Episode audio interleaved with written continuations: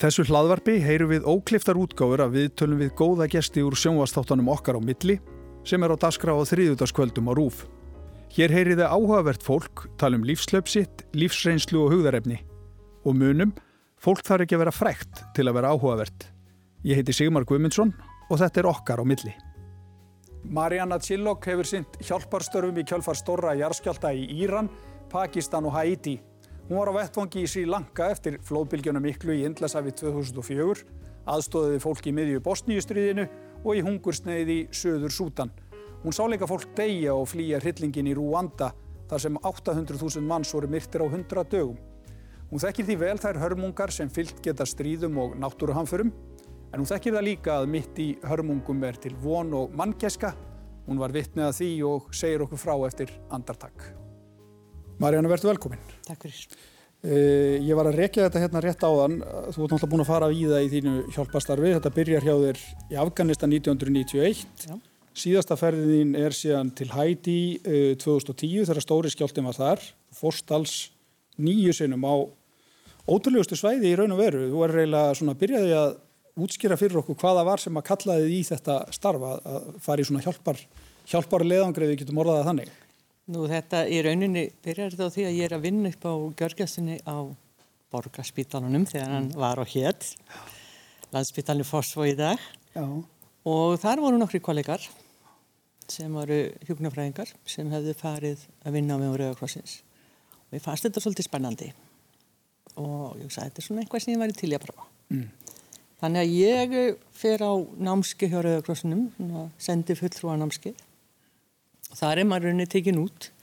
Hvernig, hvernig ertu í hóp? Hvernig starfaru hvernig aðlagaðu þurfum að gista í, í sumarhúsunum þannig og hvernig ertu að vinna með öðrum? Mm. þannig að og ég komst inn og þannig að ég fór á lista og síðan er það bara fljótlega eftir það að ég er bóðuð með spurt hvað ég vildi fara til Afganistan 1991 mm. og ég var nú viðkjörðan það ég var nú freka smeg, en spurði nú kollega mína hvað þetta verði, þetta allt í lagi þetta er fín fyrsta missjón mm. að byrja þar, þess að við kallum þetta missjón þannig að það var kannski ekki alveg þannig en Nei, en þarna auðvitað, bara í öllum þessum tilvíkun þá ertu auðvitað að lappa inn í aðstæður sem eru grav alvarlegar og menn vita auðvitað ekki alltaf hvað býður Nei, þú ert náttúrulega að fara alltaf inn Já, þú ert náttúrulega búin að aflegaður upplýsinga, þú ert búin að, í öllum þessum ferðum mínum, ef maður er búin að fá á góðri íslensku brífing mm.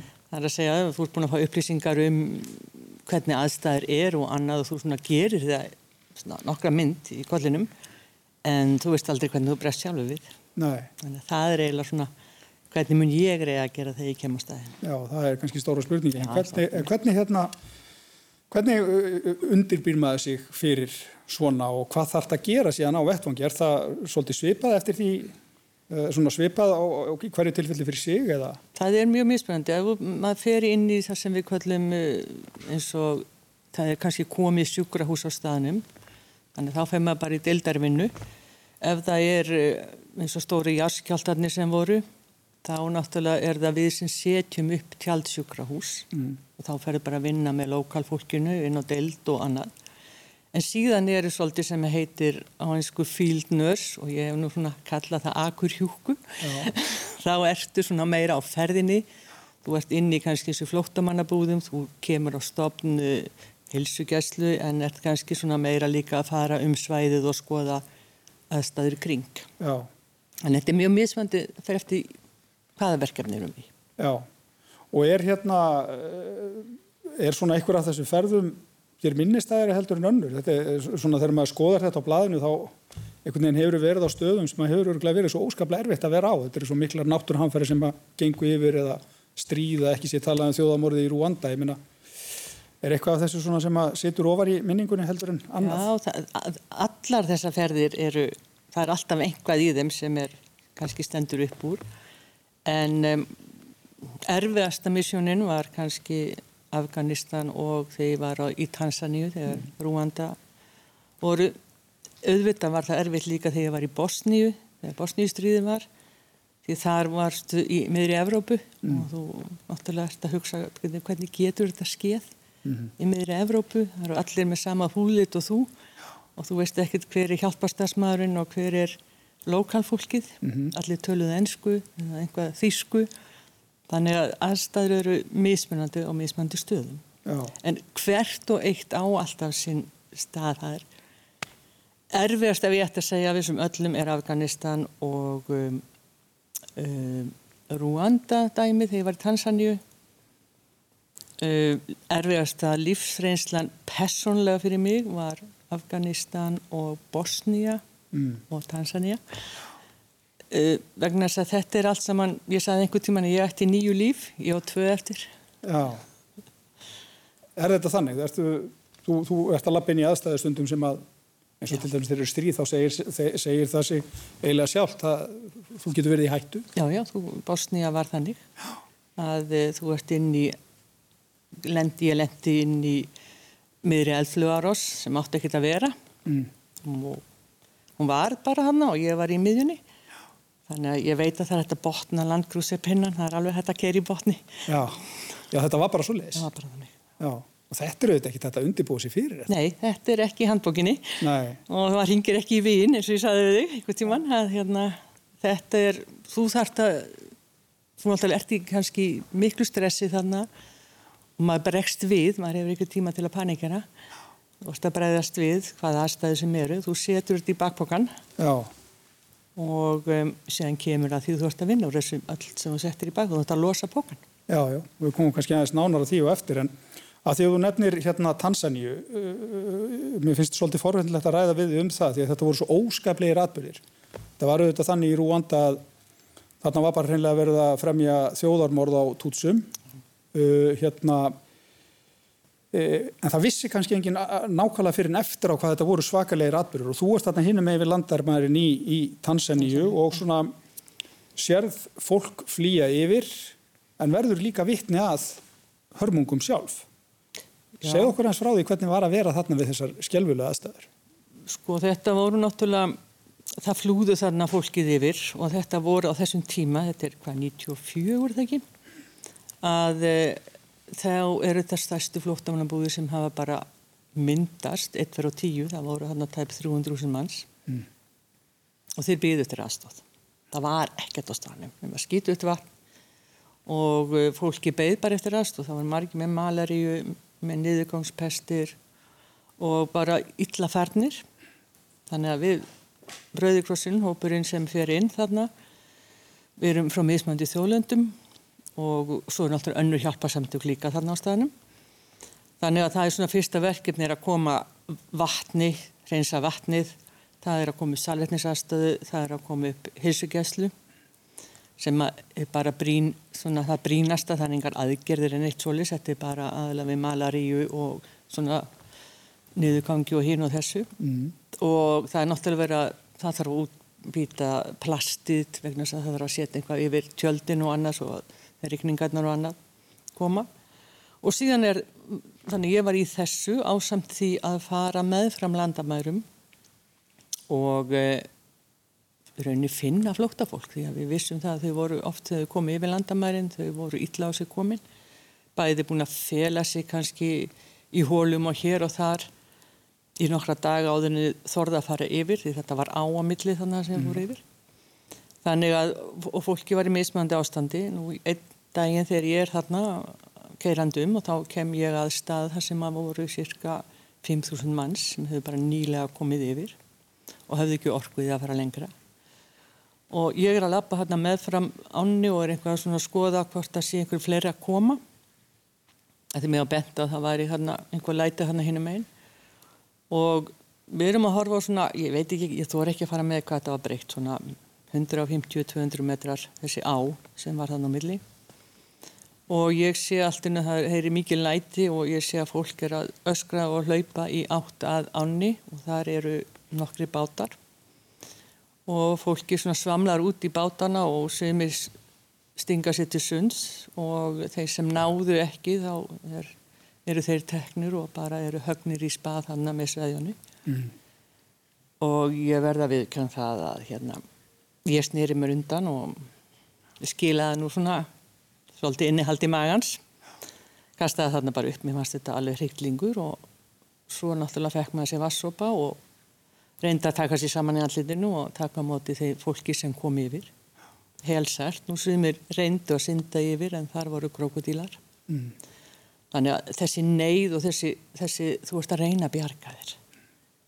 Og þú tekur sénsinn og þessi grimd sem var þarna þetta var, þetta var ólýsalegt Sko þeir sem að auðvitað fylgdust með þess á sínum tíma og hafa kannski fylgst með einhverju heimildamindum eða lesi bækur um þetta þetta, þetta er eiginlega orðið sem að var yfir þetta þetta var svo óskapleg grimt. Það Já. lítur að vera allt öðruvís að lappa inn í svoleiðis aðstæðar þar sem að grimtin er svona mikil heldur en Algjörlega. Náttúruhanfarir. Þetta lítur að vera... Þetta er, þetta er tvent ólíkt en þú ert sko, þú ert í þannig aðstæðum sem að þú hefur náttúrulega ekki, þú hefur breytt, þú getur ekkert gert, þú þarf bara að vera með strömmnum og, og taka þeim verkefni sem uppkoma. Mm. Því þú veist aldrei hvað er næsta. Mm. Þannig að eins og þetta fólk sem kemur hann yfir og það er náttúrulega voru hann að 5.000 manns cirka nú við náttúrulega vorum hann með eitt bíl, eitt landkrúsi að jeppa og ég var hann með upplýsingafulltrúan, blada upplýsingafulltrúan frá Rauðurkrossum, hann var svona að kynna sér aðstæður og náttúrulega ástandi á fólkinu við reyndum að taka þessa særðu inn í bílinn mm. og koma þeim allra sæst sem voru mjög vestið á sig komnir hann yfir inn í bílinn til að fara með þá þetta var tveggja og hálfstíma keisla þángar til við gáttum farið með því einhver sem við gáttum fengið aðlningu. Nú, og þessi sem var með mér, hún hérna segi við mig, hérna, við verðum að gera um hvað fólki er hérna á sig, illa komið á sig, við, að, við erum með allan 20 lítra vatni, við getum gefið það. Og ég segi svona, nei, nei, nú þurfum við aðeins að, allar þú að standa fyrir fram að fólki og segja að þú ert þistari en þessi og þú fari vatnin ekki þú. Mm. Ég segi, við tökum bara þessa særðu og við komum á morgun, við ræðum þetta förum inn í búðunar, við ræðum okkar hóp, hvernig við ætlum að tækla þetta mm. með 5.000 manns. Já. Þannig að þetta er alltaf ræðilega ákverðum, þú ert að fara frá fólki sem eru síkalum aðstæðum, mm. En þú þarf líka aðeins að vera einsar.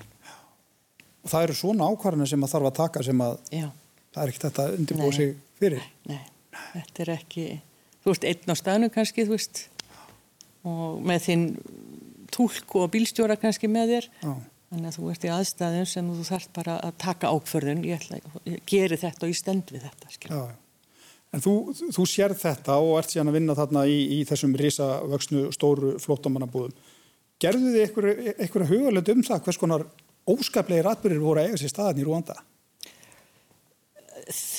Ekki strax held ég ég held að enginn hafi í rauninni náttúrulega heyrði sögurnar mm. en einhvern veginn maður trúið þeim ekki fyrir en við fengum starfsfólk sem hefði unnið á hilsugjastustöð í Rúanda og það flúði, þetta voru breskjón mm -hmm. hann var læknir og hún var hjóknarfræðingur og þau flúði með sér starfsfólk og lýsingarna sem þau voru þannig að þá fór maður svona aðeins að átta sig og svo náttúrulega það sem ég var vittni af að þá hugsa maður bara, vittu, þetta er ólýsalega rastafur mm -hmm þetta, þetta, er eitthvað, þetta er svo ómennst sem er ekki skeiðan Já, og svo eru þið með allt þetta fólk í flottamannabúðum hvernig, hvernig er þetta stýra flottamannabúðum sem eru í 300.000 manns og það er engir innviðir, það er ekkert Nei, það er, það, þar kemur samvinna hjálparstofnana.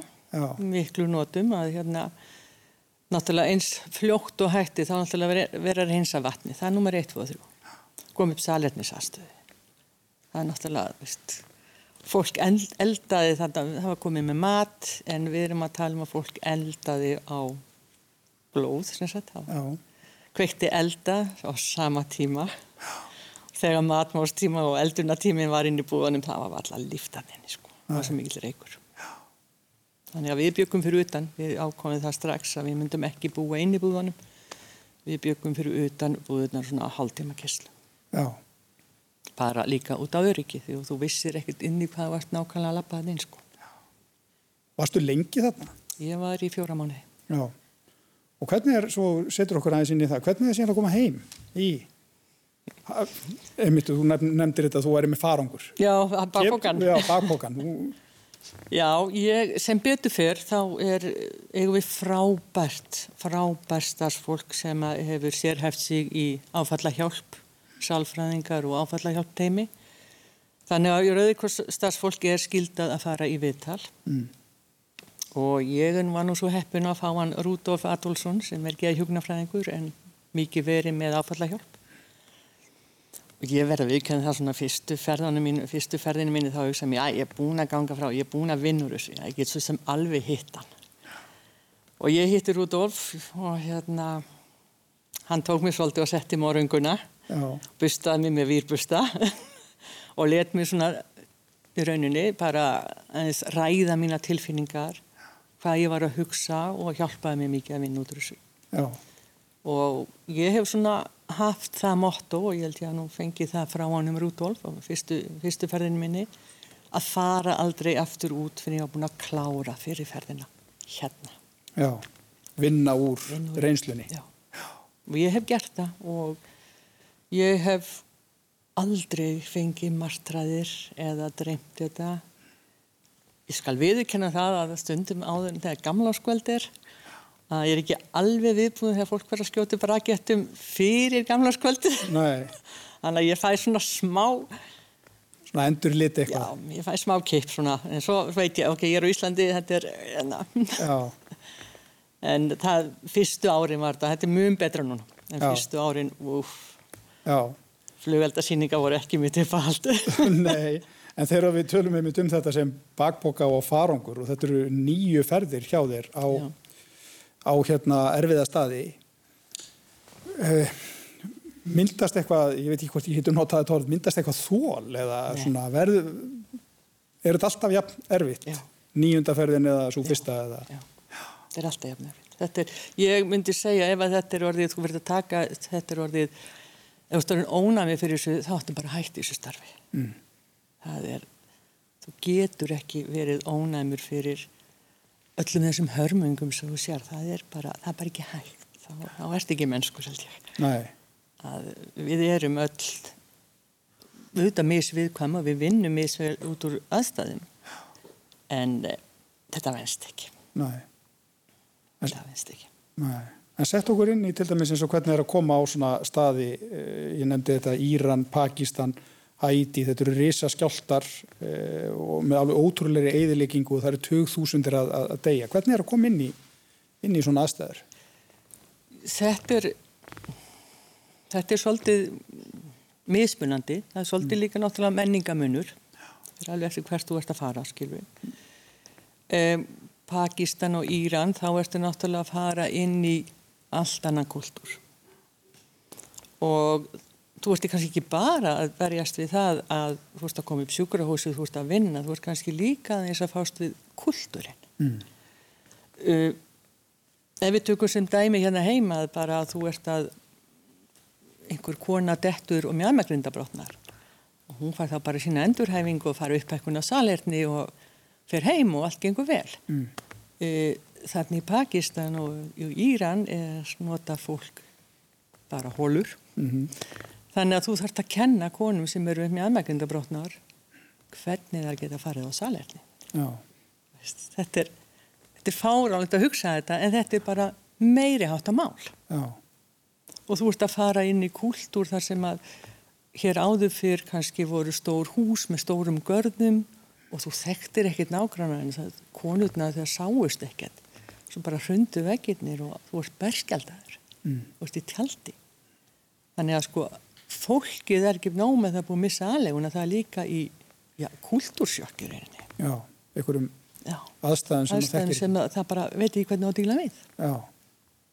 sem betur fyrir nú komin núna á setni árum þá hefur Rauði Krossin verið að senda út sálfræðing og annað sem er með að vinna með þessi áföll bæði fyrir börn og, og fullortna sem að lenda í þessum aðstæðan þetta er náttúrulega mm. og vinnur ekkert úr þessu þá eftirkustin eru svo svakalega Já og þú veist að segja mig frá því að hérna, það er svona óeinlega hlutir auðvitað sem þú þarfst að takast á við, ég menna þú veist allt ínum komin inn í flottamannabúið þar sem er svartamarkaðsbrask og það verður að stella livjum, menn þurfa að sína hugmynduauðki þegar það er verið að hlúa sjúkru, hérna, sjúkra uh, fólki eða hjálpa fólki sem hefur slasað sér mikið.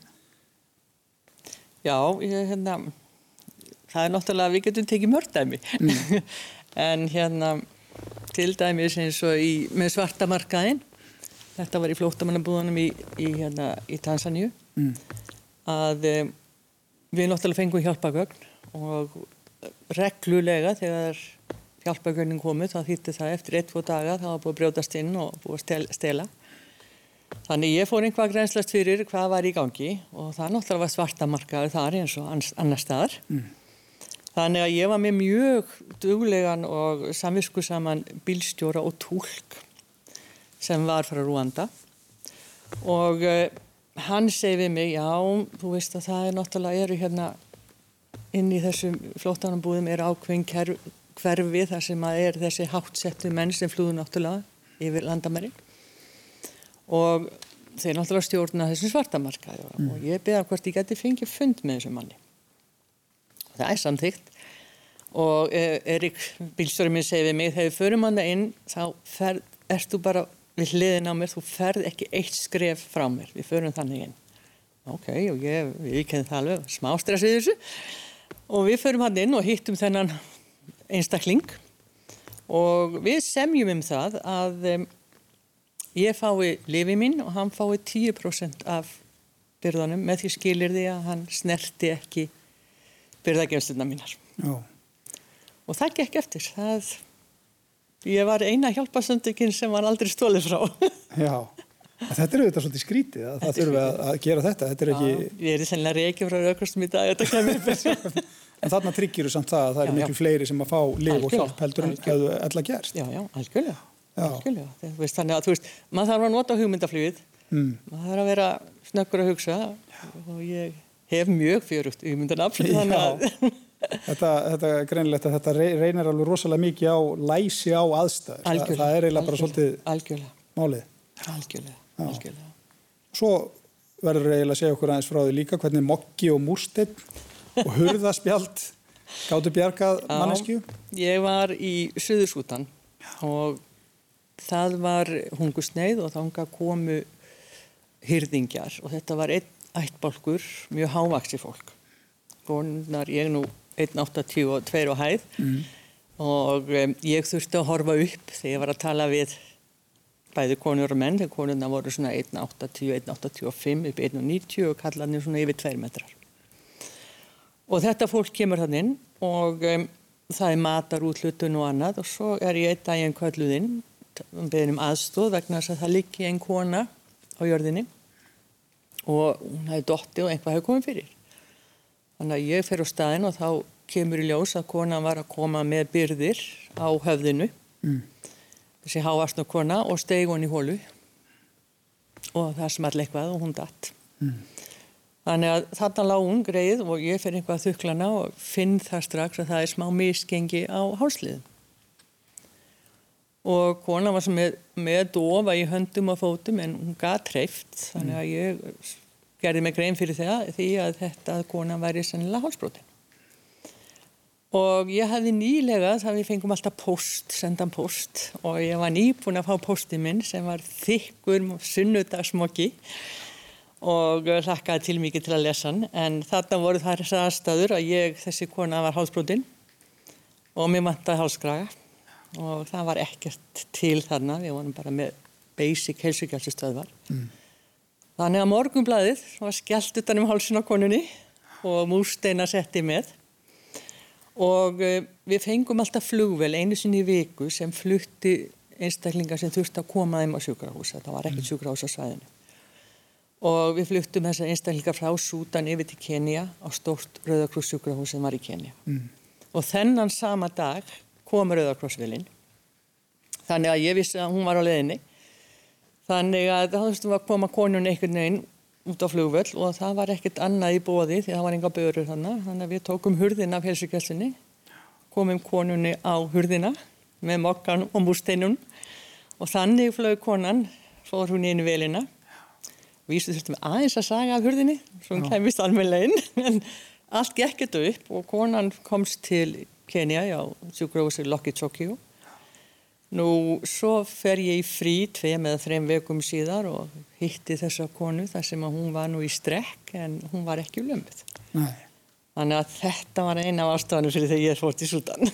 Já, en þetta, er ótrúlega hvernig menn þurfa að berga sig við þessar aðstæði. Já, það er, það er ótrúlegt, það er ótrúlegt. Stundum, þegar maður hugsa tilbaka, þá hugsa maður, þetta var nú bara helviti velgert hjá mér. Já, það ekki. En hérna, uh, þetta eru, eins og við erum nefna, þetta eru alls konar aðstæður, hungursneið, þetta eru flóðbylgi, þetta eru jarskjáltar og, og hérna stríð og, og allt hvað er.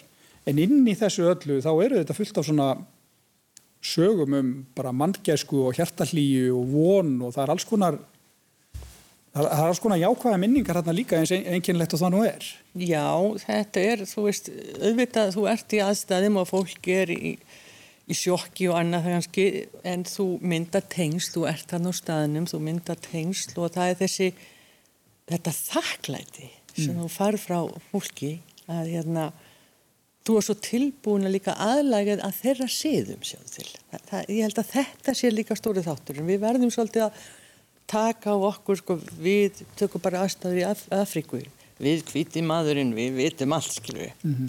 Þú þarft að fara niður á, svo, á level til að fá samvinnu og til dæmis þarna í Suður Sútan að ég ætlaði að opna hilsugjastustöð það gekk mjög illa til að mér var bent á að tala við galdraleknin mm. og ég spjallaði við galdraleknin og hann leist að ljómandi vel á mig og við komumst að samkominnlagi því ég bað hann um leifi til að fá að opna hilsugjastuna ég fekk alls konar bönd alls konar vendagripi gegn sportreggum og hinn og þessu. Og ég fekk að opna hilsugjastuna og um, ég sendi jafn mikið til hans og hann sendi til mín. Mm. það var þessi virðing okkar og þakklæti fólksins þegar það kom frá honum og hann kannski saði, sendið til mín og þá var það þakklæti og hann saði mér að þú ætti gæti hjálpað. Þannig að þetta eru svolítið skemmtilegar aðstæðu þegar maður er hann úti og, og, þetta vina þél sem myndast í ólíkar aðstæður. Já, og svo hérna er þetta þannig að, að við þessar aðstæður þá eru ofta fólk og jæfnvel börn að leita ættmennum, sískinum, foreldrum Það er, það, það er slík ringul reyðu þetta líka í gangi? Jú, það er eins og var í Tansaníu að fólki sem flúður úr vanda, það er náttúrulega þú náttúrulega bara flýrði ofbúið, þú hefur engan tíma bara að vera að ráðast á þið 1 og 10 mm.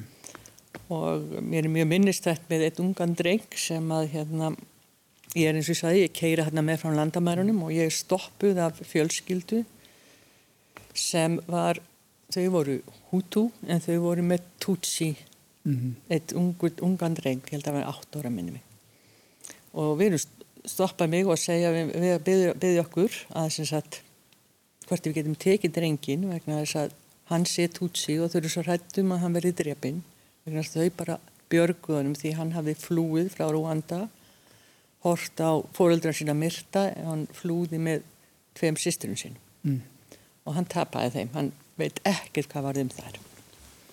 Þannig að þessi fjölskylda tók hann að sér en vildi náttúrulega bjarga lífi hans að hann var í hættu að lenda inn í hútu.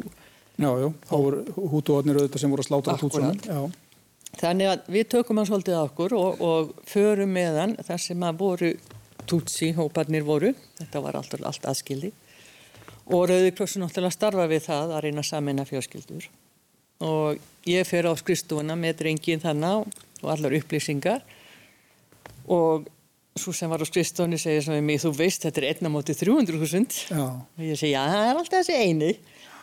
Og svo man ég ekki hvað liði lengur tími en þá er ég, hann liði nú, held ég tvær, þrjár viku sko. Að þá er ég kvælluð upp á talstöðinni og mér er tilkynnt að það er fundu sýsturnar þannig að ég get ímynda mig gleðina þar sko. Já. það er þessum unga menni og sýstrónum er náttúrulega líka. Já Þannig að það er alls konar svona gleði aðbyrði sem eiga sér staði þessari miklu sorg og þessum, þessum hörmungum. Og, og það er unni þetta sem heldur svolítið, hérna, þetta verður alltaf að hafa svolítið ljósi endagangsins, það, það er þannig sem byrta sko. Já, og halda svolítið vel í já, það. Já, já, ég, hérna, því nú er ég búin að búa ímsum aðstæðum tjaldi og hinn og þannig og ég tók, tek alltaf með mér eitt svona spjald af Garfield. Já. Og það er þessi elska hlekkjar við vegg og Hann er svolítið ekki af við veggjun og þar fyrir framann einn lasagnaskál. Svo stendur undir. Þetta er einungis tímabundið. Já, þetta er einungis tímabundið. Þetta er akkurat hann er sama hérna sko að þú lendir í aðstæmin þetta er tímabundið hjá þér. Þú verð heim Já. en fólki verður eftir. Já, í þeim erfið aðstæðum sem halduðu þetta áfram þar en hérna er stundum tortrygni í garð ykkar þegar þið komið í þessar aðstæðar því þú vart að tala um menningarmun og við erum líka að tala um mismönda aðstæðar stundum með stríð og annað. Er þið þurfum svolítið mikið að ná trösti en er, það þannig að það er stundum verið að tortryggja ykkur eitthvað og getur verið erfitt að hjálpa? Það, það, Ég myndi ekki beint segja tortryggja það er svona þú veist um, ég held þetta sé meira menningarmun mm. að sko og við verðum svolítið að fara og passa okkur að við getum ekki ætt áfram bara gert eins og við gerum þetta á Íslandi. Það, það, það gengur ekki alveg upp þannig auðvitað er það tortingni þegar þú ert kannski með einhverja hugmyndi sem bara gengur upp.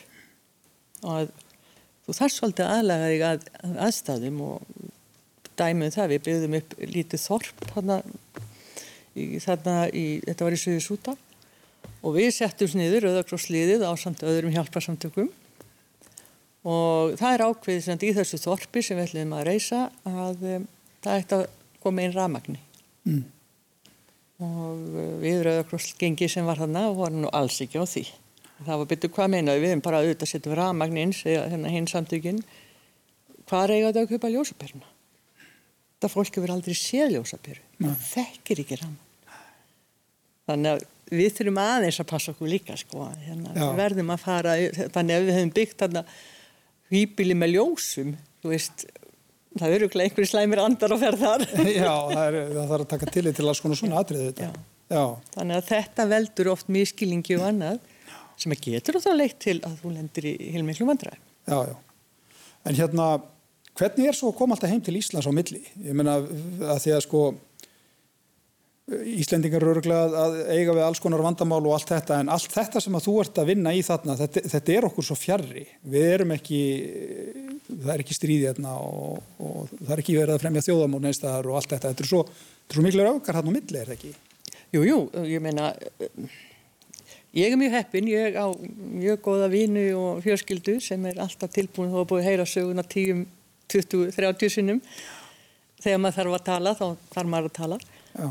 Og svo er maður náttúrulega í sambandi við fólk sem var að vinna með manni. Þannig að maður svona þegar stundum maður farið út rás þá getur maður ringt, ringt í vinn mm -hmm. eða hérna eitthvað sem skilur og var, og, skilur og var tala við annar auðvakross Íslandingar sem hafa verið og svona það er óskup eðlilegt að fólki hér á Íslandi að veit ekkert um hvað ég er að tala mm -hmm. sem betur fyrr mm -hmm. að því við búum í svo miklu öryggi sem við tökum svo sjálfsæðan hlut fyrir okkur er þetta bara sjálfsað hlutur að við förum hérna út og það er engir sem fer að fremja hérna fjöldamórð mm -hmm. Ok, nú eru ég arskjöldar út um allt hérna. Reykjavík, í kringu Reykjavík og hérna Reykjanesreiknum að við erum samt í öryggi. Við eigum ekkert hættu að því að húsinu hreinjón af okkur. Þannig að við svolítið við erum við erum svolítið svona stundum við svona saklaus. Já. Við erum saklaus svolítið og við sjáum þetta svo allt örfisi en, en til dæmis flótta fólki sem kemur hinga sko. er, það, það er að koma svo allt örum aðstæð við getum ekki sett okkur í spólas og við getum ekki dæmt heldur. En þetta saklýsi, þetta kemur auðvitað af því að þetta er ekki nálat okkur.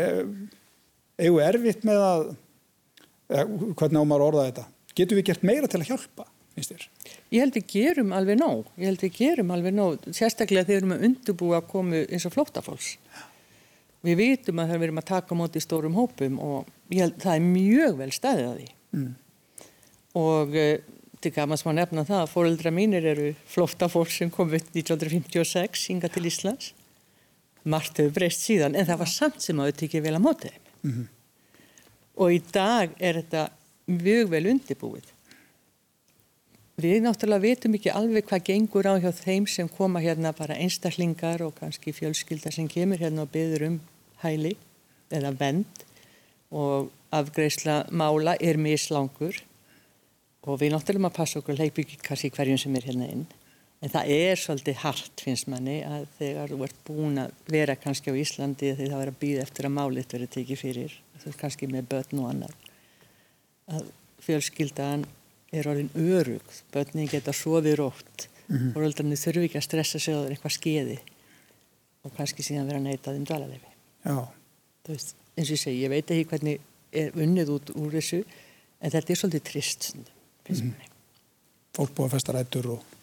og allt það. Já, þannig að það eru öruglega ástæði fyrir þessu, ég er ekki að segja að það sé ekki, en uh, ég held bara að þetta fólk sem er að koma úr svo miklum hörmungum, það, við getum ekki sett okkur í spór, við vitum ekkert hvað er búin að fara í gegnum Nei. og upplifa. En ég meina, þú hafandi farið í allar þessa ferðir, ég meina, svona skoðum þín eða viðfór til lífsins og heimsins, það hlýtur að vera svolítið annað heldur en þeirra sem ekki hafa farið og búa bara hér í sakleysinu eins og þú nefnir. Jú, jú, auðvitað er það auðvitað hérna dauðu hlutinni skipta mjög lissumáli. Já. að hérna ég held svolítið að við, við erum svo upptekinn af því að eiga nýja iPhone-in, eiga hérna svona hluti sem er unni skipt ekki máli og gleymum svolítið að njóta lífsins, Já. vera til.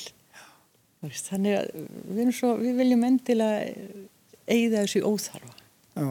Ég tala oft um þegar svona, maður, hérna, við eigum opbúslega mikið á luxusvandamálum hér á Íslandi.